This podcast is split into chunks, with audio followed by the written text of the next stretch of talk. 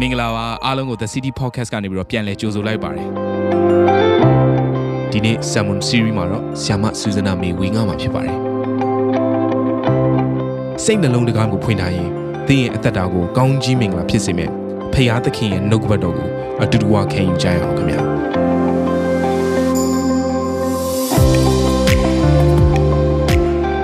ဟာလေလုယာအားလုံးပဲ ရှလုံးလို့နှုတ်ဆက်ခြင်းနဲ့ဘုရားသခင်ညီသက်ခြင်းဘုရားသခင်ကျေးဇူးတော်တယောက်ချင်းစီပေါ်မှာတက်ရောက်ပါစေအဲ့တော့ဒီနေ့မှာကျွန်မဝင်ငါခြင်းနဲ့နှုတ်ကပတ်တော်ရဲ့ခေါင်းစဉ်ကစိတ်တမကြနဲ့အာမင်ဘာဖြစ်လို့ဒီအရာကိုဝင်ငါရတယ်လဲဆိုရင်တခါစီကျွန်တော်တို့အသက်တာထဲမှာမကြုံကျင်တဲ့အရာတွေကြုံရတယ်ခက်ခဲတဲ့ခက်ခဲနေတဲ့အခြေအနေတွေကိုဖျက်ကျော်ရတဲ့အခါမှာတခါလေကျွန်တော်တို့စိတ်တက်ကြတတ်ကြတယ်ဟာဘာဖြစ်လို့ဒီလိုအခြေအနေမျိုးနဲ့ဘုရားခင်ငါ့ကိုကြုံတွေ့စေတာလဲဆိုပြီးတော့မိကွန်းတွေမြောက်များစွာ အသက်တာထဲမှာထုတ်ပြီးတော့ဘုရားခင်အပေါ်မှာတစ္ဆာရှိခြင်းတောင်မှအားနေသွားပြီးတော့ယုံကြည်ခြင်းအရာမှာပြက်ပြားသွားတဲ့အရာတွေမြောက်များစွာလေရှိတတ်တယ်။ဒါကြောင့်မလို့ဒီလိုအခြေအနေမျိုးတွေကိုကျမတို့ရင်ဆိုင်ရတဲ့အခါမှာကိုမလျှောက်ခြင်းတဲ့လမ်းနော်ကိုမဖြေခြင်းတဲ့ပု္ပ္ပာတွေကိုဖြေရတဲ့အခါမှာပြဿနာတွေကိုရင်ဆိုင်ရတဲ့အခါမှာထွက်လာတဲ့အဖြေလေးတွေရှိတယ်။အဲ့ဒါကဘာလဲဆိုဆက်ပြီးတော့စိတ်တက်ကြနေမှာလား။ဒါမှမဟုတ်ပြန်ထပြီးတော့ရင်ဆိုင်မှာလား။ဒါမှမဟုတ်ဝမ်းနေပြီးတော့ငိုကြွေးနေမှာလား။ဒါနဲ့မကသေးဘူးနဲ့ငြိမ်သက်ခြင်းအပြည့်နဲ့ ထိုအရာတွေအားလုံးကိုကျမတို့ကဖျက်ကျော်มาလားဆိုတော့နော်အရာတွေကပြန်ပြီးတော့ကျမတို့အသက်တာထဲမှာထွက်ပေါ်လာတယ်ချို့သောသူတွေကတော့အဲ့ဒီအချိန်တွေမှာငြိမ်သက်ခြင်းမရှိတော့ဘူးငိုကြွေးခြင်းတွေနဲ့ရောက်ရက်ခတ်နေမယ်သို့တော်တချို့သောသူတွေကဘုရားကိုချီးမွမ်းမြဲချီးမွမ်းနေအောင်မှာဖြစ်တယ်အဲ့ဒီအရာတွေအားလုံးကဘယ်အပေါ်မှာအခြေခံထားလဲဆိုတော့ကျမတို့အသက်တာကဘု து အပေါ်မှာတိဆောက်ထားတယ်လေလောကအပေါ်မှာတိဆောက်ထားတာလားဖျားအပေါ်မှာတိဆောက်ထားသလားဆိုတော့အရာပေါ်မှာမူတည်ပြီးတော့ကျမတို့အသက်တာရဲ့အဖြေတွေအားလုံးက ကွဲပြားခြားနားသွားကြတယ်။ဒါကြောင့်မို့အခုဒီနေ့ကျမတို့ဆက်ပြီးတော့နော်အခု online မှာကြည့်နေတဲ့ယုံကြည်သူတွေရှိတယ်နော်နေရာအသီးသီးမှာကြည့်နေကြမှာပဲနော်ဒါနဲ့မကသေးဘဲနဲ့အသင်းတော်မှာရှိတဲ့ယုံကြည်သူတယောက်ချင်းစီတိုင်းကိုဘာလို့ဒီနှုတ်ကပတ်တော်တွေကိုဝင်ငှနေရတယ်လဲဆိုရင်ကိုယ့်ရဲ့အသက်တာတိဆောက်တဲ့အရာမမားစီပွန်တဲ့ဖြစ်တယ်ကျမတို့အသက်တာတိဆောက်တဲ့အရာမှားပြီဆိုရင်ကျမတို့ရဲ့အာယုံစူးစိုက်မှုတွေမှားပြီဆိုရင်ဒီလောကရဲ့မုံတိုင်းတွေခတ်ထန်လာတဲ့အခါမှာဒီလောကရဲ့စိန်ခေါ်ခြင်းတွေပြင်းထန်လာတဲ့အခါမှာကျမတို့ရဲ့ယုံကြည်ခြင်း ရိုင်လဲသွားတတ်တဲ့အတွက်ကြောင့်မလို့မရိုင်လဲဖို့ရန်အတွက်ထပ်မံပြီးတော့ကျမတို့ကအခုအချိန်ထိတိစောင့်နေခြင်းဖြစ်တယ်အထူးသဖြင့်မီဒီယာအဖွဲ့မှာရှိနေတဲ့ယုံကြည်သူတွေเนาะတကယ်ကိုအစေခံပေးနေတဲ့အဲသားသမီးတွေဒါတွေမကသေးဘဲနဲ့ worship တင်ထဲမှာအစေခံပေးနေတဲ့သားသမီးတယောက်ချင်းဆိုင်တဲ့ဘုရားရဲ့ကြီးစွာကိုချီးမွမ်းတယ်သူတို့သာဒီလိုအခြေအနေမျိုးမှာကြောက်ရွံ့ခြင်းစိတ်တက်ကြခြင်းတွေနဲ့ရှိနေမယ်ဆိုရင်ကျမတို့အခု online မှာကျမတို့ကြည့်ရမယ့်အခွင့်အရေးလည်းရလာမှာမဟုတ်ဘူးကျမတို့အသက်တာထဲမှာတိဆောက်စရာအခြေအနေလည်း ကြုံရကြုံလာရမှာမဟုတ်ဒါကြောင့်မလို့ဒီကျမနော်နှုတ်ကပတ်တော်ကိုတစ်ချက်လောက်သွားခြင်းနဲ့အဲ့ဒါကတော့တောလျာကျမ်းအခန်းကြီး21အခန်းငယ်၄ကနေပြီးတော့ကိုအထိဖြစ်တယ်တောလျာကျမ်းအခန်းကြီး21အခန်းငယ်၄ကနေကိုအထိဖြစ်တယ်ဟောရတောင်မှထွက်၍အေရုံပီကိုဝိုင်းခြင်းငါအေရုံပင်လေလမ်းပြင်ခြီသွားကြစဉ်အသွားခတ်တော်ကြလူများတို့သည်စိတ်အားလျော့ကြ၍ တင်ဒီငါတို့ကိုဤတော်၌တည်စေခြင်းကအေဂရုပီမအဘဲကြောင့်ဆောင်ခဲ့သည်။မုံမရှိရေလည်းမရှိဤပေါ့ပြတ်သောစားစရာကိုလည်းငါတို့သည်အလွန်ယွန်ရှာဤဟုဖျားသခင်နှင့်မောရှေကိုစန့်ကျင်ဘက်ပြီးဆိုကြ၏ထိုအခါသာရဘုရားသည်ဣသရေလအမျိုးသားတို့တွင်မိမွေများကိုဆေလွတ်တော်မူ၍လူအများတို့သည်အကြိုက်ခံရသဖြင့်သေကြ၏ ထို့ကြောင့်လူများတို့သည်မောရှေထံသို့လာ၍အကျွန်ုပ်တို့သည်သာရဘုရားနှင့်ကိုရောကိုဆန့်ကျင်လျက်ပြောဆို၍ပြစ်မှားပါပြီသာရဘုရားသည်မိဝေများကိုအကျွန်ုပ်တို့မှပယ်ရှားတော်မူမည်အကြောင်းဆုတောင်းပါဟုလျှောက်လျင်မောရှေသည်လူများအဖို့ဆုတောင်းလေ၏သာရဘုရားကလည်းမိမွေရုပ်ကိုလှုပ်၍တိုင်ပေါ်မှမြှောက်ထားလော့အကြိုက်ခံရသောသူတိုင်းကြည့်ရှုလျင်အသက်ချမ်းသာရလိမ့်မည်ဟုမောရှေအားမိန့်တော်မူသည့်အတိုင်းမောရှေသည်ခြေဝါဖြင့်မွေကိုလှုပ်၍တိုင်ပေါ်မှမြှောက်ထားပြီးလျင် မွေကြိုက်သောသူမိဒီကကျွေးခြေဝါမွေကိုကြည့်ရှုသောအခါအသက်ချမ်းသာရကြ၏အာမင်အဲ့ဒီမှာဘာကိုတွေ့ရလဲဆိုရင်ဣသလလူမျိုးတွေဟာနော်ကျမတို့နဲ့မတူတဲ့ခက်ထန်ပြီးတော့ကြမ်းတမ်းတဲ့အခြေအနေမျိုးတွေကိုဖျက်ဆီးခဲ့ရတယ်ဆိုတော့သူတို့မှာအရန်ကိုခက်ခဲတဲ့အခြေအနေမျိုးတွေကိုဖျက်ဆီးရတဲ့အတွက်ကြောင့်မလို့သူတို့ကိုဥဆောင်ပေးတဲ့ဘုရားသခင်ကိုသူတို့မကြိုက်ဘူးဖခင်သခင်ရဲ့ဥဆောင်မှုကိုသူတို့မနှစ်သက်တဲ့အခါမှာအမြဲတမ်းသူတို့လှုပ်ဆောင်တဲ့အရာကဘာလဲဆိုတော့ဖခင်သခင်ကိုအပြစ်တင်တယ် သူတို့ကိုဥဆောင်ပေးနေတဲ့ခေါင်းဆောင်တွေကိုအပြစ်တင်တယ်ဒါကတော့ဣသရေလလူမျိုးတွေအမြဲတမ်းလှုပ်ဆောင်တဲ့အရာပေါ့ဘာဖြစ်လို့လဲဆိုတော့သူတို့တတ်တာထဲမှာခက်ခဲတဲ့အရာတွေကိုအမြဲတမ်းကြုံတွေ့ရတာဟုတ်အဲ့တော့ကျမတို့အခုဒီမှာစံစာကိုဖတ်လိုက်တဲ့အခါမှာစာကနေတဆင့်ဖတ်တော့အော်သူတို့တွေကလေဣသရေလလူမျိုးတွေကတိတ်ကောင်းကြီးခံစားရတာပဲ နော်တော့တကယ်ကိုခက်ခဲနေတဲ့အချိန်မှာဘုရားခင်ကပင်လေကိုနှစ်ချမ်းခွဲပေးခဲ့တယ်။ဟိုဒါတွေမကသေးမနဲ့သူတို့စားစရာမရှိတဲ့အခါမှာမာနမောက်ကိုဘုရားကကျွေးတယ်။တောက်စရာရေမရှိတဲ့အခါမှာသူတို့ကိုရေတိုက်တယ်။အော်ဘုရားခင်ကဣတရီလလူမျိုးတွေပေါ်မှာတိတ်ကောင်းတာပဲကြည်စံဒီလူတွေကတော့ဘုရားရဲ့ကျေးဇူးကိုမသိမမှတ်ဘူးလို့ပဲကျမတို့ကမြင်တတ်ကြတယ်။ဒါပေမဲ့တစ်ဖက်ကပြန်ကြည့်မယ်ဆိုလို့ရှိရင်လေသူတို့ဖျက်လျှောက်ခဲ့ရတဲ့ဒီအနှစ်40ပတ်လုံးကြာခဲ့တဲ့ခရီးစဉ်ကလွယ်မှမလွယ်ပဲ။ သူတို့အတွက်ငိုကြွေးခြင်းတွေသေချေပျက်စီးခြင်းတွေခက်ခဲခြင်းတွေနော်တကယ့်ကိုနှလုံးကြေကွဲခြင်းတွေရင်ဆိုင်ခဲ့ရတဲ့အခြေအနေတွေဖြစ်တယ်တခါတလေကျမတို့ကအာအခြေအနေတွေကိုနော်တစ်ဖက်သားရဲ့အခြေအနေတွေကိုကြည့်တဲ့အခါမှာကိုမကြုံဘူးရင်ဘယ်တော့မှခံစားတတ်မှာမဟုတ်ဘူးတကယ်တမ်းကိုကိုယ်တိုင်ကြုံတွေ့ခဲ့မှာအော်သူဒီလိုခံစားနေရတာပါလားဆိုတော့ကိုချင်းစာပြီးတော့မှဒီလိုမျိုးအခြေအနေကြုံတွေ့တဲ့သူတွေကိုကိုယ်တိုင်ကြုံတွေ့ခဲ့တဲ့သူတွေကမှပဲပြန်လည်ပြီးတော့ဖြည့်ရှင်းပေးနိုင်တာဖြစ်တယ်အခုဒီနေရာမှာလည်းဣသေလလူမျိုးတွေကအရန်ခက်ခဲနေတဲ့အချိန်မှာကျမတို့အနေနဲ့ကြည့်လိုက်လို့ရှိရင်တော့ဟာအပြစ်တင်စရာကြီးပါပဲနော်အားမလို့အားမရဖြစ်စရာကြီးပါပဲတိုးတော်လေဒီနေရာမှာသူတို့ရဲ့အခြေအနေကိုကြည့်တဲ့အခါမှာမလွယ်ကူတဲ့အခြေအနေထဲမှာဖျက်ရှောင်နေရတယ်အခုကျမတို့အာအခု COVID-19 လို့ပေါ့ကျမတို့လည်းမလွယ်ကူတဲ့အခြေအနေထဲမှာ ဖျက်ရှောင်နေရတယ်လွယ်တော့မလွယ်ဘူးတချို့သောသူတွေကမေးခွန်းထုတ်ကြမယ်ဟာဘုရားခင်ဘာဖြစ်လို့ရက်ဆက်တာလဲယုံကြည်သူတွေထဲမှာဟာတချို့သောသူတွေကလည်းပြောကြတယ်ဒါကနော်မဖြစ်တဲ့အရာတခြားနိုင်ငံတွေမှာလည်းနော်ဒီလိုအကြီးအကျယ်ဖြစ်တဲ့အခါမှာငါတို့နိုင်ငံကတေးသေးလေးဆိုတော့မတိုးတက်သေးတဲ့နိုင်ငံဖြစ်တဲ့အခါမှာမြန်မာနိုင်ငံလိုအခြေအနေမျိုးမှာနော်ငါတို့နိုင်ငံဘာဖြစ်သွားမလဲဆိုတော့အတွေးခေါ်တွေအများကြီးရှိကြတယ်။ဘာဖြစ်လို့လဲဆိုတော့အခုလိုအခြေအနေမျိုးကိုကြုံတွေ့ရတဲ့အခါမှာ နော်ကိုရက်တည်ထားတဲ့အရာကမမှန်ဘူးဆိုလို့ရှိရင်လောကသားတွေတုံ့ပြန်တယ်လို့ပဲကျမတို့ကတုံ့ပြန်သွားနိုင်ကြအကြောင်းရှိတယ်။အခုဒီမှာလဲဣသရေလလူမျိုးတွေကဘာဖြစ်လဲဆိုတော့သူတို့ရက်တည်တဲ့အရာကဘယ်ပုံမှာသွားရက်တည်လဲဆိုတော့တောလျာကျန်အခန်းကြီး73ထဲမှာပြန်ကြည့်တဲ့အခါမှာ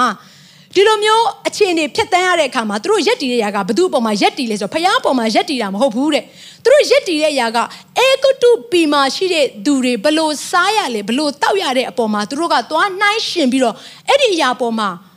သူတို့ရဲ့အခြေအနေကိုသွားပြီးတော့သူတို့ကဖြည့်ရှင်းကျင်ကြတာဆိုတော့သူတို့ကဘယ်လိုပြောလဲဆိုတော့မောရှေကိုမောရှေအခုငါတို့ကြုံတွေ့နေရတဲ့ပြဿနာဟာအရန်ခက်ခဲတဲ့အတွက်ကြောင့်မလို့ငါတို့ရှောက်ရတဲ့လမ်းဟာအရန်ကိုပြင်းထန်တဲ့အတွက်ကြောင့်မလို့မင်းတို့နော်မောရှေနဲ့အာယုမင်းတို့ကငါတို့ကိုဒီတောထဲမှာသေစေဖို့ရန်အတွက်ခေါ်လာတာလားတဲ့နော်ခေါ်လာတာလားလို့ပြောတဲ့အခါမှာသူကစံစာထဲမှာဘယ်လိုမှတ်တမ်းတင်ထားလဲဆိုတော့တိတ်အံ့ဩစရာကောင်းတယ် တောလျာ16 sorry တောလျာ16အခန်းငယ်73နှစ်မှာဘယ်လိုရေးထားဆိုတင်းဒီဤတောနိုင်ငါတို့ကိုတက်လို့လျင်နုနှစ်ပြားရည်စီးသောပီမှဆောင်ခဲ့တော်လဲမင်းတို့နုနှစ်ပြားရည်စီးသောပီတို့လို့မပြောဘဲနဲ့နုနှစ်ပြားရည်စီးသောပီမှလို့ပြောတဲ့အခါမှာဘာကိုပြောနေရလဲအေဂုတ်တုပီကိုသူတို့ထင်ထားတာနုနှစ်ပြားရည်စီးသောပီလို့သူတို့ထင်ထားတာဒါကြောင့်မလို့အဲ့နုနှစ်ပြားရည်စီးသောပီမှငါတို့ကိုထုတ်ဆောင်ပြီးတော့ဤတောထဲမှာတေဖို့ရန်လို့ငါ နော်ငါတို့အပေါ်မှာအနိုင်ထက်မင်းပြုတ်နေတာလားဆိုပြီးတော့မောရှင်နဲ့အာယုံကိုအပြစ်တင်ကြတယ်အခုဒီနေရာမှာလဲဆက်ပြီးတော့အပြစ်တင်ကြပြန်တယ်တွားရတဲ့လန်ကီအရန်ကြမ်းတဲ့အတွက်ကြောင့်မလို့တဲ့အပြစ်တင်တဲ့အခါမှာဘသူ့ကိုအပြစ်တင်ဆိုဖယားသခင်ကိုလည်းအပြစ်တင်တယ်ခေါင်းဆောင်ကိုလည်းအပြစ်တင်တယ်တဲ့ကျမတို့အရေးကြီးရနော်ပြဿနာကြုံရတဲ့အခါမှာအခက်အခဲတွေကြုံတဲ့အခါမှာဘုရားသခင်ကိုမပြစ်မှားမိစေနဲ့ကိုယ့်ရဲ့အထက်မှာဘုရားသခင်ထားထားတဲ့ authority နဲ့ပြည့်ဝတဲ့သူတွေကိုတွားပြီးတော့မထိမိပေါ်တဲ့အရေးကြီးတယ် ဘာဖြစ်လို့ကျမအဲ့လိုပြောဆိုအဲ့လိုသွားပြီးတော့အပြစ်တင်လိုက်ခြင်းကကျမတို့အသက်တာထဲမှာချိန်ချင်းအမင်္ဂလာနဲ့ဆိုင်တဲ့ဘုရားသခင်ရဲ့စီရင်ခြင်းနဲ့ဆိုင်တဲ့အရာတွေရောက်ရှိလာနိုင်တယ်။ဒါကြောင့်ကျမပြောပြမယ်။စိတ်တက်ကြနေတဲ့အခါမှာအပြစ်တင်ဖို့မဟုတ်စိတ်တက်ကြနေတဲ့အခါမှာသူတစ်ပါးနဲ့သွားပြီးတော့နှိုင်းရှင်နေဖို့မဟုတ်စိတ်တက်ကြနေတဲ့အခါမှာလောက်ရမယ့်အရာတစ်ခုကကိုဘာဖြစ်လို့ဒီလိုစိတ်တက်ကြနေရတယ်လဲဆိုတဲ့အကြောင်းအရာကိုပြန်စဉ်းစားဆင်ခြင်ပြီးတော့ဘုရားသခင်အပေါ်မှာပဲမိခိုနေဖို့ဖြစ်တယ်။ ကျွန်မပြောပြမယ်အခုဣသရေလလူမျိုးတွေဖြစ်ပျက်တဲ့ပြဿနာဘလို့စားမလဲဘလို့သားမလဲဘလို့နေထိုင်မလဲဒါပဲတဝဲလေလေစဉ်းစားနေတာအခုဒီမှာအခုခေတ်ကောတော့2020ခုနှစ်မှာလဲဘာဖြစ်နေလဲဘလို့စားမလဲဘလို့သားမလဲတကယ်ကိုဘလို့နေထိုင်မလဲဒါတွေကိုပဲကြောက်နေတာအဲ့တော့လွန်ခဲ့တဲ့နှစ်4000ကျော်ကဖြစ်တဲ့ပြဿနာအခုဒီမှာလာဖြစ်နေတယ်ဒါကြောင့်မလို့လွန်ခဲ့တဲ့နှစ်2000ကျော်ကလည်းယေရှုကဘာပြောလဲ မဟုတ်ဘူးငါတက်နိုင်တဲ့ဘုရားရှင်ဖြစ်တယ်ယေရှုဒီလောကမှာရှိတဲ့အခါမှာဗာပြောခဲ့လေသူ့ရဲ့သားသမီးတွေကိုငါတက်နိုင်တဲ့ဘုရားရှင်ဖြစ်တယ်ငါဟာမင်းတို့နဲ့အတူရှိသောဘုရားရှင်ဖြစ်တယ်မင်းတို့ကိုစွန့်ပြေမထားတဲ့ဘုရားသခင်ဖြစ်တယ်လို့အချင်းချင်းပြောခဲ့တယ်မဟုတ်ဘူးလားဆိုတဲ့သဘောကပြဿနာဖြစ်လာတဲ့အခါတိုင်းမှာသူ့ကိုစိတ်စိတ်မျှော်ကြည့်ဖို့နဲ့ဘုရားရှင်ပြောနေတာဘာဖြစ်လို့လဲဆိုတော့ကျမတို့တယောက်ချင်းစီတိုင်းဟာသူနဲ့ပုံတံတူစွာဖန်ဆင်းခံရတဲ့သူတွေဖြစ်တဲ့အတွက်ကြောင့်မလို့သူ့ကိုစိတ်စိတ်မကြည့်မဲနဲ့အခြေအနေပေါ်မှာသွားပြီးတော့ကြည့်မယ်ဆိုကျမတို့ကလှုပ်ရှားခြင်းနဲ့ပြေဝတဲ့သူတွေဖြစ်သွားလိမ့်မယ် ကြောက်ယေရှုကဘာဆက်ပြောလဲတလားကိုယ့်ရဲ့အခြေအနေတွေအများလှုပ်ရှားလာတဲ့အခါမှာလေဘဖခင်ကိုစိတ်စိတ်မကြည့်တတ်တဲ့သူတို့ဖခင်ကဘာပြောလဲဆိုယေရှုကကြည်ပါတဲ့စာငှက်တွေရှိတယ်မဟုတ်ဘူးလားတဲ့စာငှက်တကောင်ကိုတော့စာငှက်တကောင်ကိုတော့မှငါကားတဲ့မငတ်စေဘူးငါမပြစ်ထားဘူးဆိုတဲ့သဘောကသူကစန်းစာထဲမှာရေးတာစာငှက်တကောင်ဟာတဲ့သွားပြီးတော့မထွန်ရက်တတ်ပါဘူးတဲ့ရိတ်လည်းမရိတ်သိမ့်တတ်ပါဘူးဒါပေမဲ့သူ့ကိုငါကျွေးမွေးတယ်ဆိုရင်ငါရဲ့သားသမီးတွေဖြစ်တဲ့တင်းနဲ့ကျွန်ုပ်ကိုကျွေးမွေးမယ်လို့ဘုရားရှင်ကပြောနေခြင်းဖြစ်တယ် ဆိုလိုတဲ့တိတ်ပဲကဘာလဲဆိုတော့အဲ့ဒီစာငှက်တကောင်တောင်မှဘာမှခွန်အားမရှိဘူးကျမတို့နဲ့နှိုင်းရှင်လိုက်မယ်ဆိုရင်ခွန်အားနဲလို့နဲ့စာငှက်တကောင်ဖြစ်တာတော့မှဘုရားသခင်ကသူတို့ကိုအမြင့်ဆုံးသောအရက်မှာထားတယ်ဆိုရင်ကျမတို့ကိုလည်းဘုရားခင်အမြင့်တော်ရဲ့မှာဘုရားရှင်ထားမယ်ဘုရားရှင်ဖြစ်တယ်အာမင်ကျမတို့ကိုလုံခြုံစေမယ်ဘုရားရှင်ဖြစ်တယ်ကျမတို့စိတ်တကြမဲ့အချိန်မဟုတ်တော့ဘူး ဒီအချိန်ဟာလောကသားတွေအနေနဲ့ကြည့်လိုက်စိတ်တက်ကြစရာအကောင်းဆုံးအချိန်တွေဖြစ်ပေမဲ့ယုံကြည်သူတွေကတော့စိတ်တက်ကြမယ့်အချိန်မဟုတ်ဘူးစိတ်တက်ကြနေတဲ့သူတွေကိုပြန်လည်ပြီးတော့ဆွဲထူပြီးတော့ဖခင်ရဲ့မေတ္တာကိုပြောပြမယ့်အချိန်ကာလဖြစ်တယ်အာမင်လောကရဲ့လွှမ်းမိုးမှုတွေထဲမှာလောကရဲ့စိန်ခေါ်မှုတွေထဲမှာပါသွားမယ့်သူတွေမဟုတ်ဘူးဘာဖြစ်လို့ကျမတို့ဟာထူးခြားတဲ့သူတွေဖြစ်တယ်ခရစ်တော်ရဲ့အသွေးတော်နဲ့ရွေးဝယ်ခြင်းကိုခံရတဲ့သူတွေဖြစ်တယ် ခရစ်တော်ခံခဲ့ရတဲ့ဒဏ်ချက်တော်အပြင်ကျမ်းမာခြင်းကိုအမွေရရှိထားတဲ့သူတွေဖြစ်တယ်အာမင်ဒါကြောင့်မို့သူများတွေကလည်းဒီလိုဖြစ်လို့ငါတို့တွေကလည်းနော်ဒီလိုဖြစ်မှာပဲဆိုပြီးတော့အတွေးခေါ်တွေကိုကျမတို့ထည့်ဖို့အတွက်နော်ကျမတို့ဒီအချိန်ဟာဒီအချိန်မဟုတ်ဘူးအာမင်အဲ့တော့ကျမ်းစာထဲမှာကြည့်တဲ့အခါမှာအဲ့လိုစိတ်တက်ကြသွားတဲ့အတွက်ကြောင့်မလို့အသက်တာမှာတကယ့်ကိုဆုံးရှုံးသွားတဲ့ဆုတ်ယုတ်သွားတဲ့နော်လူတွေအကြောင်းအရာကိုကျမ်းစာထဲမှာတွေ့ရတယ်ကျမတို့အားလုံးသိမှာပါအေလိယဆိုလေနော်သူသူသူ့ကိုယေဇဗေလကစိန်ခေါ်တဲ့အခါမှာသူကဖြစ်လေ စိတ်တကြတယ်စိတ်တကြတဲ့အခါမှာ तू ကြောက်ရွံ့လုံးလို့ तू ဘာပြောလဲဘုရားသခင်ကိုကိုတော့ကျွန်တော်ရဲ့အသက်ဝိညာဉ်ကိုရုပ်သိမ်းလိုက်ပါတော့ပြောချင်တဲ့တပုတ်ကကိုတော့ကျွန်တော်သေခြင်းပြီမြန်မြန်သေခိုင်းလိုက်တော့ကိုတော့ကျွန်တော်ကိုမြန်မြန်ရုပ်သိမ်းလိုက်တော့ကျွန်တော်ဒီအချိန်မျိုးမကြုံဆုံခြင်းဘူးဆိုပြီးတော့ तू ဘုရားသခင်ကိုအပြစ်တင်လာတဲ့အခါမှာဘုရားရှင်ဘာလုပ်ခိုင်းရလဲသူ့ရဲ့ဗိတ်သက်ကိုပြန်လဲလွှဲပြောင်းဖို့နဲ့လူ၃ယောက်ကိုရွေးခိုင်းတယ်မဟုတ်ဘူးလားဆိုတဲ့သဘောကတခါတည်းကျွန်တော်တို့စိတ်တက်ကြလာတဲ့အခါမှာ ဖះကိုအပြစ်တင်ပြီးတော့မှားယွင်းစွာဆုံးဖြတ်ချက်ချလိုက်တဲ့အရာတွေကြောင့်မလို့ဆုံးရှုံးသွားတဲ့အရာတွေရှိနိုင်တယ်လို့ကျွန်မပြောနေခြင်းဖြစ်တယ်။နောက်ထပ်တစ်ယောက်ကဘာတူလဲဆိုတော့ဗတ္တိဇန်ဆရာယောဟန်ဖြစ်တယ်။ကျွန်တော်တို့ဗတ္တိဇန်ဆရာယောဟန်ရဲ့အကြောင်းကိုလည်းကျွန်တော်တို့ကြည့်မယ်ဆိုရင်နော်ယောဟန်ခန်းကြီး1အငယ်29မှာပြန်ပြီးတော့ကြည့်လိုက်မယ်ဆိုရင်ဗတ္တိဇန်ဆရာယောဟန်ကတဲ့ယေရှုခရစ်တော်ဘသူဖြစ်တယ်လဲဆိုတာကိုသိတဲ့နော်တကယ်ဖះရှင်ရဲ့ prophet တပါးဖြစ်တယ်တဲ့။ဆိုတော့အဲ့မှာဗတ္တိဇန်ဆရာယောဟန်အကြောင်းကိုဘယ်လိုရေးထားလဲဆိုတော့နက်ဖြန်နေ့၌ ယေရှုကြွလာတော်မူသည်ကိုယောဟန်သည်မြင်လင်ဤလောက၏အပြစ်ကိုစောင်းသွားသောဘုရားသခင်၏တိုးတငယ်ကိုကြည့်လော့ယောဟန်ကဘာပြောလဲဆိုတော့အော်အခုငါရဲ့အရှိမကြွလာတဲ့သူဟာဒီလောကရဲ့အပြစ်ကိုစောင်းသွားမဲ့သူကြွလာပြီဘုရားသခင်ဆေလွတ်လိုက်တဲ့သူကြွလာပြီဆိုတဲ့အရာကိုသူကိုယ်တိုင်ကတတ်သိခံတယ်အဲ့ဒီအချိန်မှာဘာဖြစ်လဲဆိုလို့ရှိရင်ကောင်းကင်ကပွင့်လွတ်ပြီးတော့ကောင်းကင်ဘော်ကနေပြီးတော့တန်ရှင်သောဝိညာဉ်တော်ဟာဂျုံငယ်ကဲ့သို့ဘုသူ့ပေါ်မှာဆင်းသက်လဲယေရှုပေါ်မှာဆင်းသက်တယ် အဲ့ဒီကောင်းကင်အတန်တော်ကလည်းထွက်လာတယ်ဘာပြောလဲဆိုတော့ဤသူကငါချစ်တဲ့မျက်နှာရာငါရဲ့ချစ်သားဆိုတဲ့စကားကိုလည်းဖွင့်ပြောတဲ့ຢာကိုယောဟန်ကြားခဲ့ရတယ်တဘောကယောဟန်မြင်လဲမြင်တယ်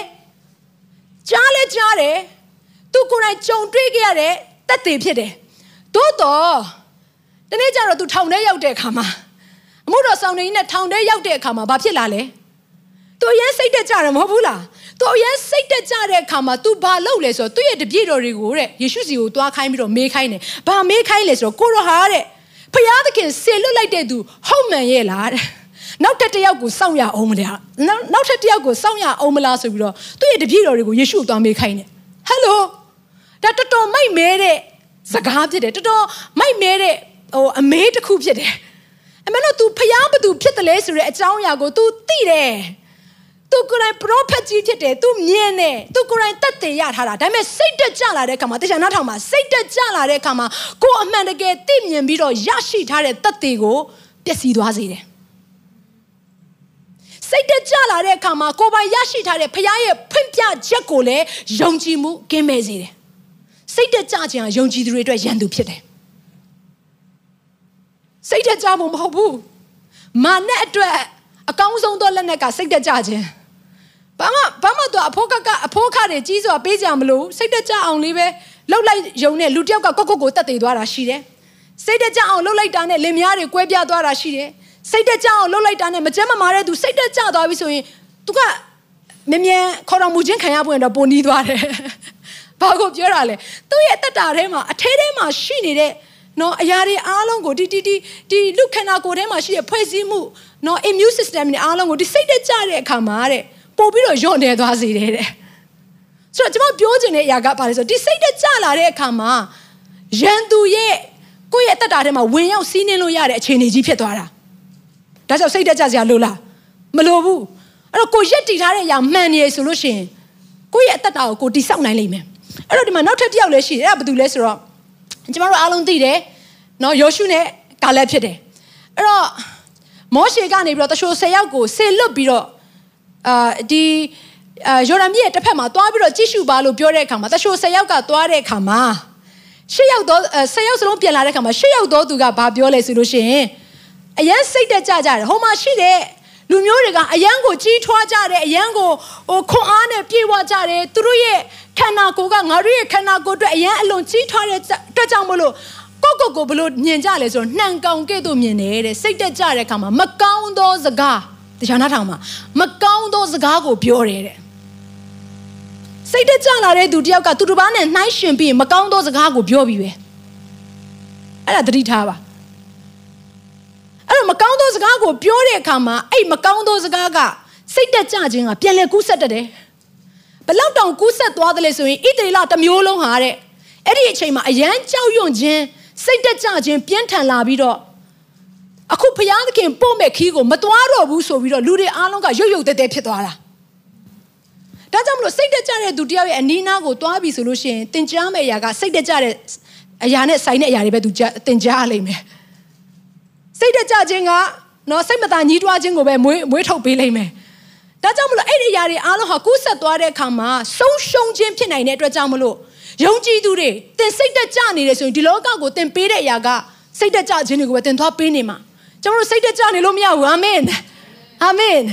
အဲ့တော့ဒီမှာဘာဖြစ်တယ်လဲဆိုတော့ဒါပေမဲ့ခုနရှစ်ယောက်ထဲမှာမှနောက်ထပ်နှစ်ယောက်ကထူးခြားတယ်တဲ့သူတို့ကဘလို့ထူးခြားတယ်လဲဆိုလို့ရှိရင်အဲ့ဒီအခြေအနေတွေအားလုံးဘလို့ပဲကြောက်စရာကောင်းနေပါစေငါတို့ဘက်မှာဖျားရှိနေတယ်လေဖျားရဲ့ဂတိတော်ကငါတို့ကိုပို့ဆောင်มาပဲလေဆိုရဲစကားနဲ့ပြန်လဲပြီးတော့ယက်တည်ကြတယ်ဟာလေလုယာအခုလိုမျိုး COVID-19 ဖြစ်နေတဲ့အချိန်မှာမင်းရမယ့်မေခွန်းကစိတ်တက်ကြပြီးတော့အခုနရှေ့ရောက်လိုမျိုး ကြောက်ရွံ့နေပြီးတော့မကောင်းသောစကားကိုပြောမှလားဒါမှမဟုတ်အခုနယောရှုနဲ့ကာလက်လိုမျိုးရဲရင်ချင်းအပြည့်နဲ့မဟုတ်ဘူးငါတို့ဘက်မှာဘုရားသခင်ရှိတဲ့အတွက်ကြောင့်မလို့ဒီအခြေအနေကိုငါတို့ကြော်လွှားနိုင်မယ်ဆိုတဲ့ယုံကြည်ခြင်းနဲ့ကျမတို့ရှေ့ကိုဆက်ပါလားအာမင်မေကြီးကြီးကိုကိုကို COVID-19 ကြောင့်ငါတို့တည်သွားမှာလားဒါမှမဟုတ်ငါတို့ကြော်လွှားနိုင်မှာလား အဲ့လိုမေးပြီးတော့မှအဖြေရလာပြီဆိုရင်အဲ့ဒီအဖြေတိုင်းသင်ဆက်သွားဖို့ဖြစ်တယ်ငါတို့တော့အသက်ရှင်အောင်မှာဟေ့ဆိုရင်အသက်ရှင်ခြင်းနဲ့ဆိုင်တဲ့စကားတွေသင်ထွက်လာမယ်အသက်ရှင်ခြင်းနဲ့ဆိုင်တဲ့လုပ်ရက်တွေသင်ထွက်လာမှာဖြစ်တယ်ဒီလိုပဲ COVID-19 မှမဟုတ်ချိုးသောသူတွေအခုအချိန်မှာအဲစီးပွားရေးပြတ်တယ်လို့ပြောအောင်မှာပေါ့ကုမ္ပဏီတွေပိတ်လိုက်ရတာရှိတယ်အကယ်၍အနေနဲ့အခုလိုမျိုးစီးပွားရေးခက်ခဲနေပြီးတော့တင်းရဲ့အခြေအနေတွေနော်ငွေကြေးအခြေအနေတွေချို့ဆိုလို့ရှိရင်အလုတ်ထွက်သွားတဲ့သူတွေရှိတယ်ငွေကြေးအခြေအနေတွေခက်ခဲနေရဆိုလို့ရှိရင်ကျွန်မအားပေးပြစေ ဒီအရာကတဲ့အဆုံးမဟုတ်ဘူးအာမင်တဲ့အဆုံးမဟုတ်ဘူးငွေကြေးနဲ့မှကျမတို့စားရမယ်ဆိုလို့ရှိရင်ငတ်တာကြာလာပြီကုမ္ပဏီကကျမတို့ကိုကြွေးထားတာမဟုတ်ဘူးအလုပ်ကတော့လုပ်ရမှာပဲသို့တော့နေ့ရက်အစဉ်တိုင်းမှာဝလင်စာကျမတို့ကိုကြွေးမွေးနေတဲ့သူကကျမတို့ကိုးကွယ်တဲ့ဖခင်ရှင်ဖြစ်တယ်ဟာလေလုယာဘာဖြစ်လို့ကျမအဲ့လိုပြောလဲငွေကြေးမြောက်များစွာကင်တွယ်ထားပြီးတော့မစားနိုင်မတောက်နိုင်မဲနဲ့မချမ်းမမာတဲ့သူတွေမြောက်များစွာရှိတယ်မဟုတ်ဘူးလား ဒီကျမတို့အားလုံးကိုဒီနေ့ကြည့်ရှုနေတော့သူဟာလုံခြုံမှုပေးတဲ့သူဟာဘုရားရှင်ဖြစ်တယ်ဆိုတော့နေ့ရက်အစဉ်တိုင်းမှာသိမှတ်နေဖို့လိုတယ်ဆွဲလန်းနေဖို့လိုတယ်အာမင်အဲ့တော့ဒီမှာဆက်ပြီးတော့ကြည့်တဲ့အခါမှာနောက်တစ်တစ်ယောက်ကိုတွေ့ရတယ်ဆာလံဆရာ93ခုမြောက်သောဆာလံအခန်းငယ်73ကနေ74ကိုကြည့်မယ်ဆိုလို့ရှိရင်ဆာလံဆရာကလည်း तू စိတ်တကြတယ်ဘာဖြစ်လို့လဲဆိုတော့ရန်သူကသူ့ကိုတစ်ချိန်လုံးလိုက်နေတာရှောလူက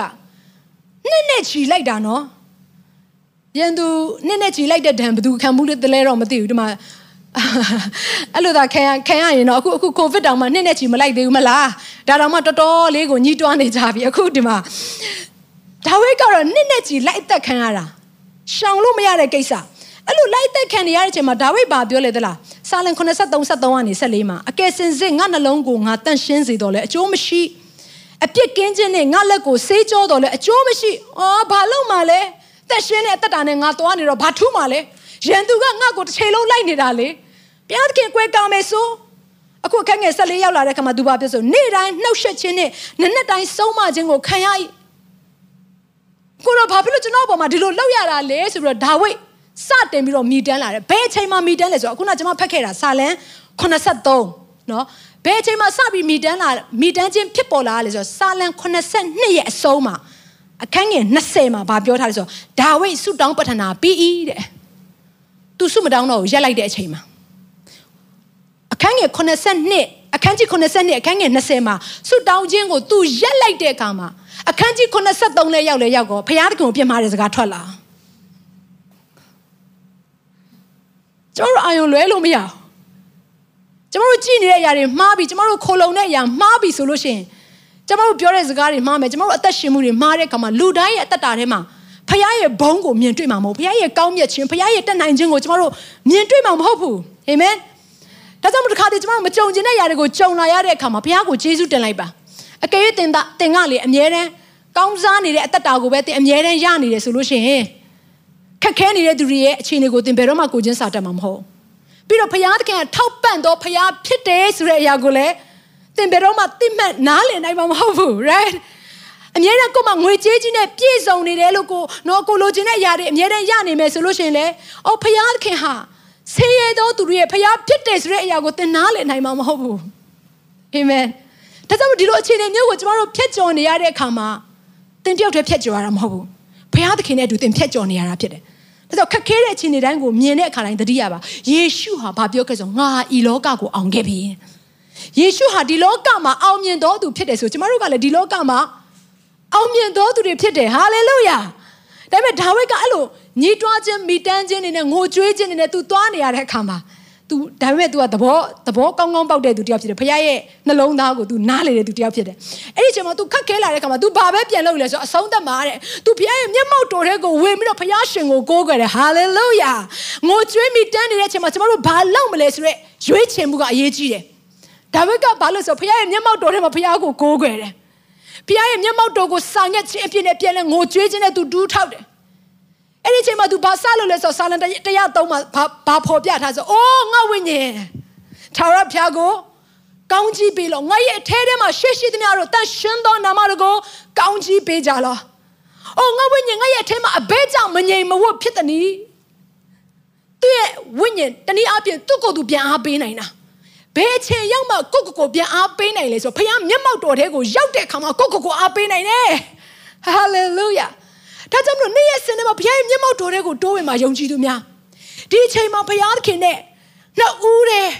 နှစ်ဖူးတွေ့ဒူးတွေ့အချိန်ယူရမယ့်အချိန်ကာလဖြစ်တယ်အာမင်ဘုရားရဲ့သားသမီးတွေဒီဘုရားရဲ့မျက်မှောက်တော်ထဲမှာအိုအရင်တစ်ချိန်တစ်ခါမှမခံစားဘူးတဲ့ နော်မျက်မှောက်တော်ကိုခံစားနိုင်ဖို့ရအတွက်ငြိမ်သက်ခြင်းကိုခံစားနိုင်ဖို့ရအတွက်ဘုရားရဲ့ကောင်းမြတ်ခြင်းကိုမြင်တွေ့နိုင်ဖို့အတွက်ဒီအချိန်ကာလဟာအကောင်းဆုံးသောအချိန်ကာလဖြစ်တယ်။ယုံကြည်သူတွေရောက်ရက်ခတ်နေပေမဲ့လည်းနော်အဲ့ရောက်ရက်ခတ်နေတဲ့ယုံကြည်သူတွေမှာသင်မပါသွားစေနဲ့အာမင်ရောက်ရက်ခတ်နေတဲ့ယုံကြည်သူတွေကိုတွေ့လို့ရှိရင်လည်းသွားပြီးအပြစ်မတင်ပါနဲ့ဒီအချိန်မှာသူတို့ကဘာမှမမြင်တော့တောထဲမှာလဲနေတဲ့ဣသလလူမျိုးတွေလေ ဘုရားကောင်းမြတ်ခြင်းဘလောက်ပဲသူတို့တိတိဘလောက်ပဲမြင်ခဲ့ရမြင်ခဲ့ရအာတော့ပြောဘာမှနားမလဲဘူးသူတို့အကုန်လုံးတညီတညွတ်တဲ့လမ်းမကြတယ်ဘာဖြစ်လို့ကျမအဲ့လိုပြောလဲဆိုစိတ်တကြနေတဲ့ဒုတိယကဘာနဲ့သွားတူလဲဆိုရင်ကျမတို့ငယ်တော့ဆော့ဘူးလားမသိဘူးတိုင်တိုင်မာလေးပတ်ပြီးတော့ပတ်ချလဲပတ်ပြီးဆော့တာတို့တိုင်မကင်မနဲ့ဒီတိုင်းပတ်ချလဲပတ်ပြီးဆော့တဲ့အရာမျိုးတွေမြင်ဘူးလားမြင်ဘူးတယ်နော်ပတ်ပတ်ပတ်ပြီးလို့ရှင်ဘာဖြစ်သွားလဲရက်လိုက်လို့ရှင်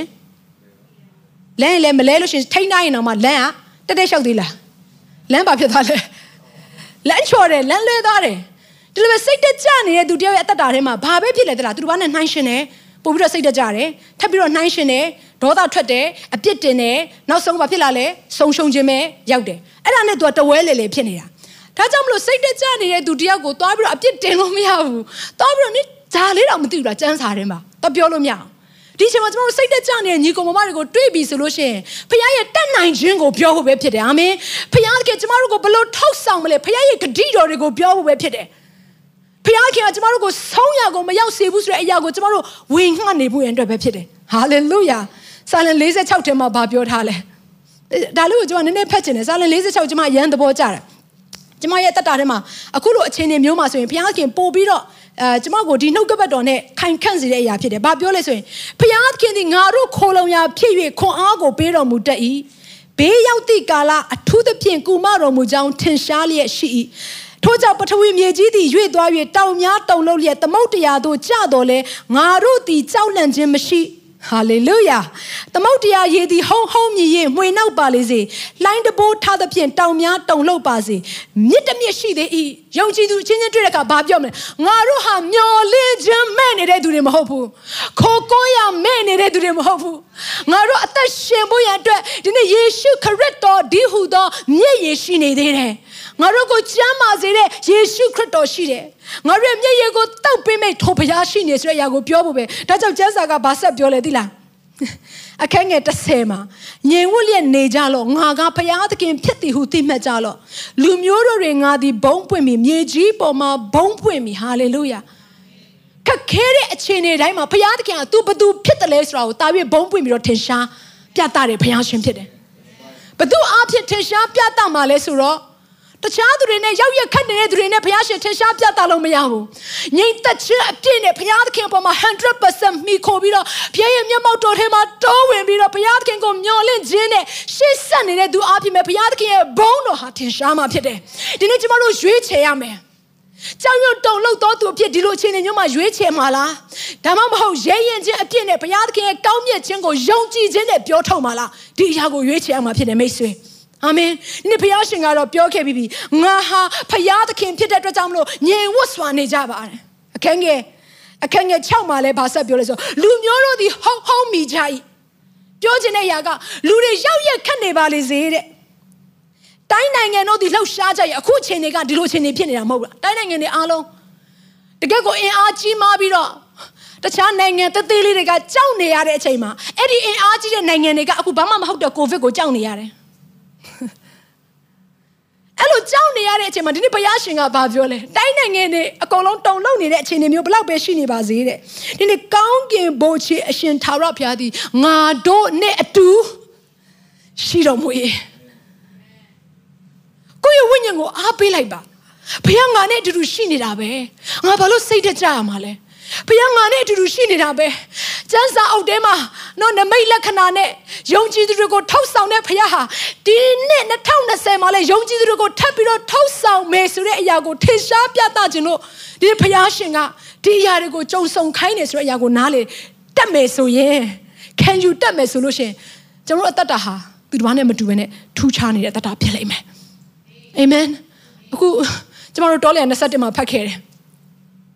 ဒီလူတွေအားရပါရအပြစ်တင်ကြတယ်စိတ်တက်ကြလာတဲ့အခါမှာအားရပါရခေါင်းဆောင်တွေကိုအပြစ်တင်ဖះကိုအပြစ်တင်တဲ့အခါမှာဖះပါလွတ်လိုက်လေသိလားမီးမွေကိုလွတ်လိုက်တယ်တဲ့ဆိုလဲတဲ့ဘောကဖះသခင်ရဲ့ကွယ်ကာခြင်းလက်တော်ကိုရုပ်သိမ်းလိုက်တာဖះသခင်ကိုအပြစ်မတင်ပါနဲ့ဖះသခင်ကိုအပြစ်တင်လိုက်ခြင်းကကျွန်တော်တို့အသက်တာထဲမှာဆုံးရှုံးခြင်းပဲရှိတယ်ခေါင်းဆောင်တွေကိုအပြစ်မတင်ပါနဲ့ဒီချိန်မှာအစိုးရကိုလည်းအပြစ်တင်ကြမလို့သလိုအတင်းတော်ခေါင်းဆောင်ကိုလည်းအပြစ်တင်ကြမလို့ တင်အပြစ်တင်လိုက်ခြင်းအပြင်တင့်တက်တာထဲမှာကောင်းကြီးရသွားမယ်ဆိုဆက်ပြီးတော့အပြစ်တင်လိုက်တို့တော့တင်းရဲ့တက်တာထဲမှာဒီအရာဟာအမင်္ဂလာနဲ့ဆိုင်တဲ့အရာဖြစ်တယ်ဆိုရင်အတင်းတော်မှာရှိတဲ့ခေါင်းဆောင်တဲ့နိုင်ငံခေါင်းဆောင်တွေကိုကျမတို့ဆွတ်တောင်းပေးပြီးတော့နော်အနောက်ကနေတိုက်ပွဲဝင်ရမယ်အချိန်ဖြစ်တယ်အာမင်ဒါကြောင့်မို့အခုဒီနေ့မှာဘာဖြစ်လဲဆိုတော့ဘုရားခင်လက်တော်ရုပ်သိမ်းလိုက်တဲ့အခါမှာမီးမွေတွေထွက်လာပြီးတော့ကြိုက်ကြိုက်တဲ့အခါမှာလူမြောက်များစွာတေကြတယ်တဲ့တချို့သောသူတွေကဒုက္ခရောက်မှပဲ ဖះသခင်ထံလှည့်တက်တယ်အဲ့တော့အဲ့ဒီအချိန်မှာမှဘာဖြစ်လာလဲဆိုဣသရေလလူမျိုးတွေကဖះထံလှည့်တယ်တဲ့ revelation ရသွားပြီ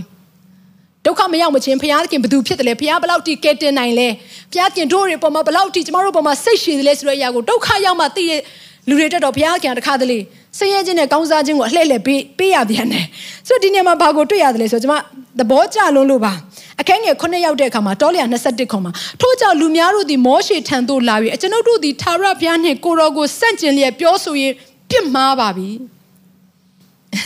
နောင်တရသွားပြီအဲ့ဒီချိန်မှာဘာဆက်ပြောလဲဆိုတော့သာရဘုရားသည်မွေများကိုအကျွန်ုပ်တို့မှာပယ်ရှားတော်မူမိကြောင်းဆွတ်တောင်း ဘာဆိုတော့မောရှေကိုပြောတဲ့အခါမှာမောရှေကတကယ်ဘုရားသခင်နှလုံးသားနဲ့ပြည့်စုံသောခေါင်းဆောင်ဖြစ်တယ်သူဘုရားခင်ထဲမှာဆွတ်တောင်းတဲ့အခါမှာဘုရားခင်ကသူ့ကိုဖွင့်ပြတယ်ဘာလို့ခိုင်းလဲဆိုတော့မီးမွေရုပ်ကိုလှုပ်ပြီးတော့တိုင်ပေါ်မှာမြှောက်ထားခိုင်းတယ်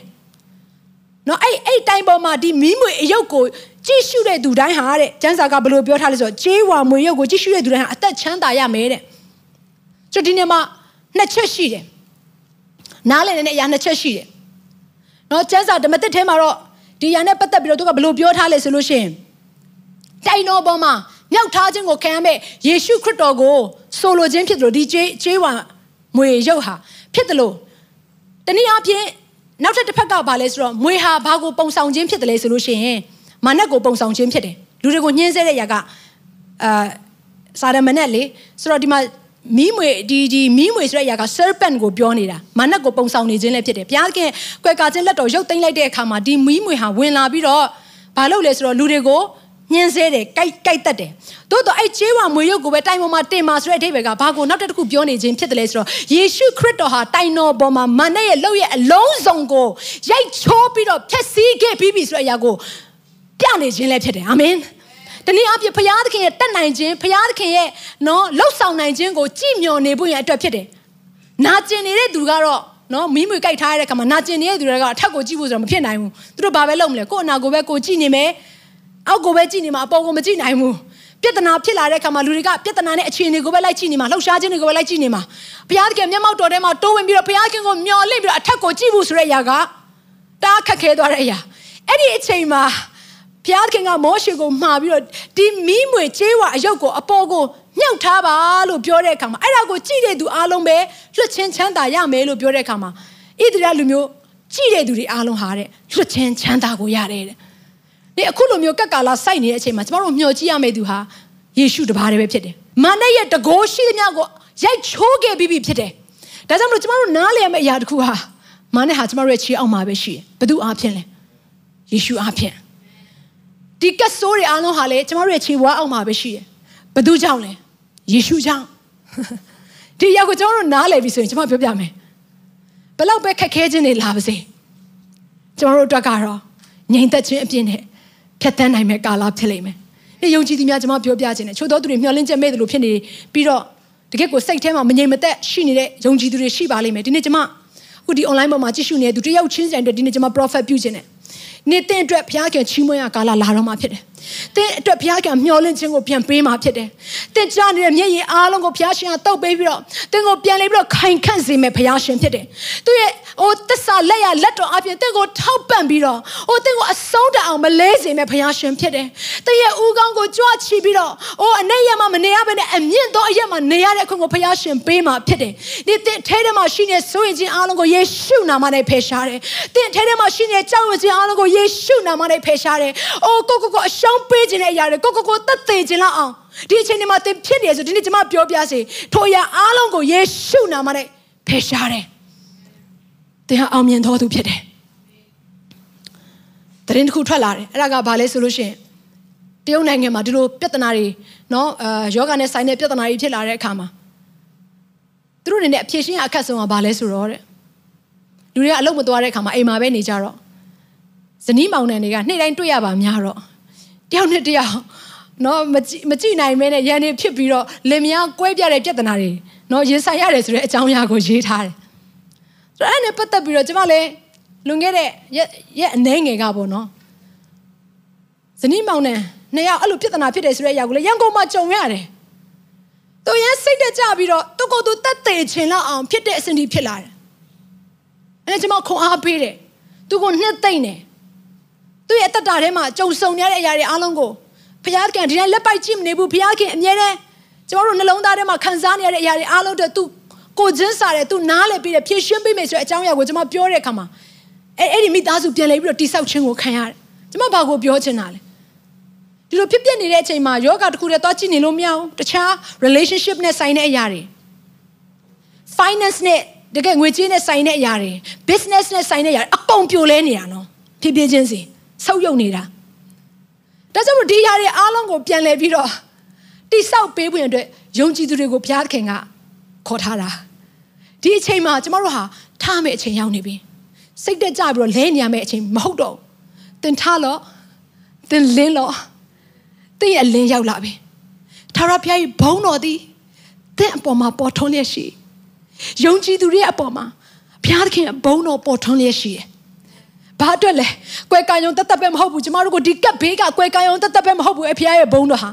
ဘုရားရဲ့ဘုန်းတော်ပေါ်ထွန်းခြင်းဆိုတဲ့အရာကဒီလောကထဲမှာဘုရားခင်ရဲ့ကောင်းမြတ်ခြင်းဘုရားခင်ရဲ့ဘုန်းတော်ကိုကျမတို့အပြင်ပြန်လဲဖြန့်ဝေဖို့အတွက်ဖြစ်တယ် အာမင်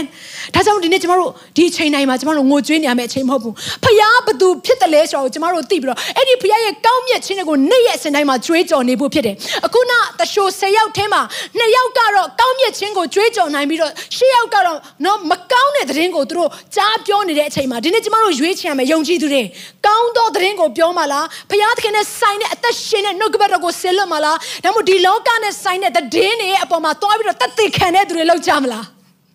Come on. Amen. ဒါကြောင့်ဒီနေ့ဘုရားသခင်နဲ့ဆိုင်တဲ့ကောင်းသောသတင်းတွေဘုရားသခင်ဂတိတော်ကိုနေ့ရက်အစနဲ့မနဲ့မိုးလင်းလာနဲ့ကျွန်တော်တို့ကြွေးကြော်မှာဖြစ်တယ်မိုးလင်းလာနဲ့အင်းဒီနေ့ဘယ်နှစ်ယောက်ယောဂကူးသွားပြီလဲမသိဘူးအဲ့လိုမျိုးသွားပြီးတော့စဉ်းစားပြီးတော့ဖုန်းပုတ်ပုတ်မဟုတ်ဘူးဖွင့်ဖို့မဟုတ်ဘူးမနဲ့မိုးလင်းလာတဲ့အခါမှာဟဲဟဲငါတို့နိုင်ငံမှာဘုရားသခင်ကြီးတော်မှုကိုပြုတော်မယ်အာမင်ငါတို့ရဲ့အသက်တာတွေထဲမှာဘုရားသခင်ကျွေဝခြင်းနဲ့ကျမ်းမာခြင်းနဲ့ကောင်းစားခြင်းကိုဘုရားပေးတော်မယ်ဟာလေလုယာဝန်ခံကြည့်ပါစ န့်ကျင်ဘက်ဒီလောကနဲ့စန့်ကျင်ဘက်ဖြစ်တဲ့အရာကိုသင်ဝန်ခံကြွေးကြော်ကြည့်ပါဒီနှုတ်ကပတ်တော်ဒါကိုပြောနေတာစိတ်တကြနေတဲ့သူတို့ဝန်ခံနိုင်မှာမဟုတ်ဘူးသို့တော့နောက်ဆုံးသင်စိတ်တကြနေတယ်ပဲထားအောင်ယုံကြည်ခြင်းတရားကိုသင်ဝန်ခံကြည့်အဲ့ဒီနှုတ်ကပတ်တော်အသင်ရဲ့နားကနေတဆင်သင်နှလုံးသားထဲမှာပြန်လဲပြီးတော့တိဆောက်ပြီးတော့နားကနေတဆင်ကြားပြီးတဲ့အခါမှာယုံကြည်ခြင်းကကြားနာခြင်းအပြင်ဖြစ်တယ်လေသင်ရဲ့နှလုံးသားထဲမှာတိဆောက်ပြီးတော့သင်ရဲ့အသက်တာထဲမှာဘာဖြစ်လာမလဲဆိုတော့ စိတ်တကြတဲ့အခြေအနေကနေပြီးတော့ရဲရဲတဲ့အခြေအနေဖြစ်လာလိမ့်မယ်။အဲယောရှုဘာပြောလဲသူဥဆောင်တဲ့အခါတိုင်းမှာစိတ်တမကြနဲ့အာယူ၍ရဲရင်ချင်းရှိလို့မကြောက်နဲ့စိတ်မပြတ်နဲ့စိတ်တကြစရာမလိုဘူး။တင်းဖျားသခင်ငါသည်တင်းနဲ့အတူရှိရလို့ဘုရားရှင်ပြောခဲ့တယ်။အဲ့ဒီစကားလေးတစ်လုံးကိုကျွန်တော်တို့လက်ဆွဲထားမယ်ဆိုရင်ဒီလိုအခြေအနေမျိုးကတော့ပါပါလေးပဲတစ်သေးလေးပဲအာမင် ဒီလိုပြောလိုက်လို့ဉာဏ်ပညာမရှိဘဲနဲ့ကြိုက်တယ်လို့နေလို့ကျွန်မပြောနေတာမဟုတ်ဘူးဘုရားသခင်ရဲ့ဂရုတော်ထဲမှာရှိတဲ့သူဟာဘုရားသခင်နှုတ်ကပတ်တော်ကိုယုံကြည်တဲ့သူဟာပျက်စီးခြင်းနဲ့အစင်မပြတ်ကင်းလွတ်တယ်ငြိမ်ဝတ်ခြင်းနဲ့အစင်မပြတ်လွမ်းခြုံခြင်းကိုခံရတဲ့သူတွေဖြစ်တယ်အာမင်ဒါကြောင့်ဒီကျွန်တော်တို့လုပ်ရမယ့်အရာကဒီဘုရားကိုချီးမွမ်းဖို့ပဲဟာလေလုယာ ဟာလေလုယာဒီနေ့ကျွန်တော်တို့ဘုရားခင်ကိုနှလုံးသားအကျွေးအကျွေးမဲ့နှလုံးသားတွေကနေဘုရားခင်ကိုချီးမွမ်းနေဖို့ပဲဖြစ်တယ်မဖြစ်နိုင်သောအရာမတက်နိုင်သောအရာကိုဖြစ်စေနိုင်တဲ့ဘုရားသခင်ဟာငါတို့ကိုးကွယ်တဲ့ဘုရားသခင်ပဲဆိုတဲ့အရာကိုကျွန်တော်တို့ယုံကြည်ပြီးတော့ချီးမွမ်းဖို့ရန်အတွက်ဖြစ်တယ်အာမင်စပြည့်ရေကိုဘာဖြစ်လဲရေကနေစပြည့်ရေကိုပြောင်းပေးတဲ့ဘုရားပင်လေကိုနှစ်ချမ်းခွဲပေးတဲ့ဘုရား မိထဲမှာဖျက်ရှောက်ရတဲ့အခါမှာအတူပါရှိသောဖခင်ဟေးအဲ့ဒီနှုတ်ကပတ်တော်ထဲမှာရှိခဲ့တဲ့ဖခင်ကအခုကျမတို့ကိုးကွယ်နေတဲ့ဖခင်ရှင်ဖြစ်တယ်အာမင် အာမင်ယုံကြည်ခြင်းနဲ့ကျွန်တော်တို့ဒီကာလကိုဖျက်ကျော်ဖို့အတွက်ဖြစ်တယ်အာမင်ဒါကြောင့်မလို့အခုချိန်မှာကျွန်မချီးမွမ်းခြင်းတခြင်းတစ်ပုတ်ဆိုခြင်းနဲ့အာရပါရချီးမွမ်းကြမယ်ဒီနေ့ online မှာကြည့်ရှုနေတဲ့နော်တကယ်ကိုနှုတ်ကပတ်တော်နာယူနေယုံကြည်သူတယောက်ချင်းတိုင်းဟာလေဒီရှင်ကိုကိုယ့်ရဲ့နှလုံးသားတွေကနေတော့လကောင်းနော်ကိုယ့်ရဲ့နှုတ်ရှာပါဇက်ကနေတော့လကောင်းဝန်ခံပြီးတော့အတူတူကလိုက်ပြီးတော့ချီးမွမ်းစေခြင်းနဲ့ချီးမွမ်းခြင်းတကောဟာကိုယ့်ရဲ့အိမ်ထဲမှာပြည့်ရှံနေပါလေစေအာမင်စိတ်တကြခြင်းကိုယ့်ရဲ့အိမ်ထဲမှာနေရာမပေးနဲ့ဘုရားကငြိမ်သက်ခြင်းနဲ့ဆိုင်တဲ့အရာဘုရားကလွတ်မြောက်ခြင်းနဲ့ဆိုင်တဲ့အရာဘုရားကတတ်နိုင်ခြင်းနဲ့ဆိုင်တဲ့အရာတွေခတ်သိမ်းကိုကျမတို့ရဲ့အိမ်ထဲမှာလွှမ်းမိုးသွားသည်ချီကျမတို့အတူတူကချီးမွမ်းကြရအောင်ဟာလေလုယာအာမင်ဒီအစီအစဉ်လေးအပြင်တင်းရဲ့အသက်တာမှာကောင်းကြီးဖြစ်မယ်ဆိုတာကိုကျွန်တော်ယုံကြည်ပါတယ်ဗီဒီယိုကြည့်ပြီးခံယူလို့သူများအတွက်အပတ်စဉ်တရားဟောခြင်းများ Bible Study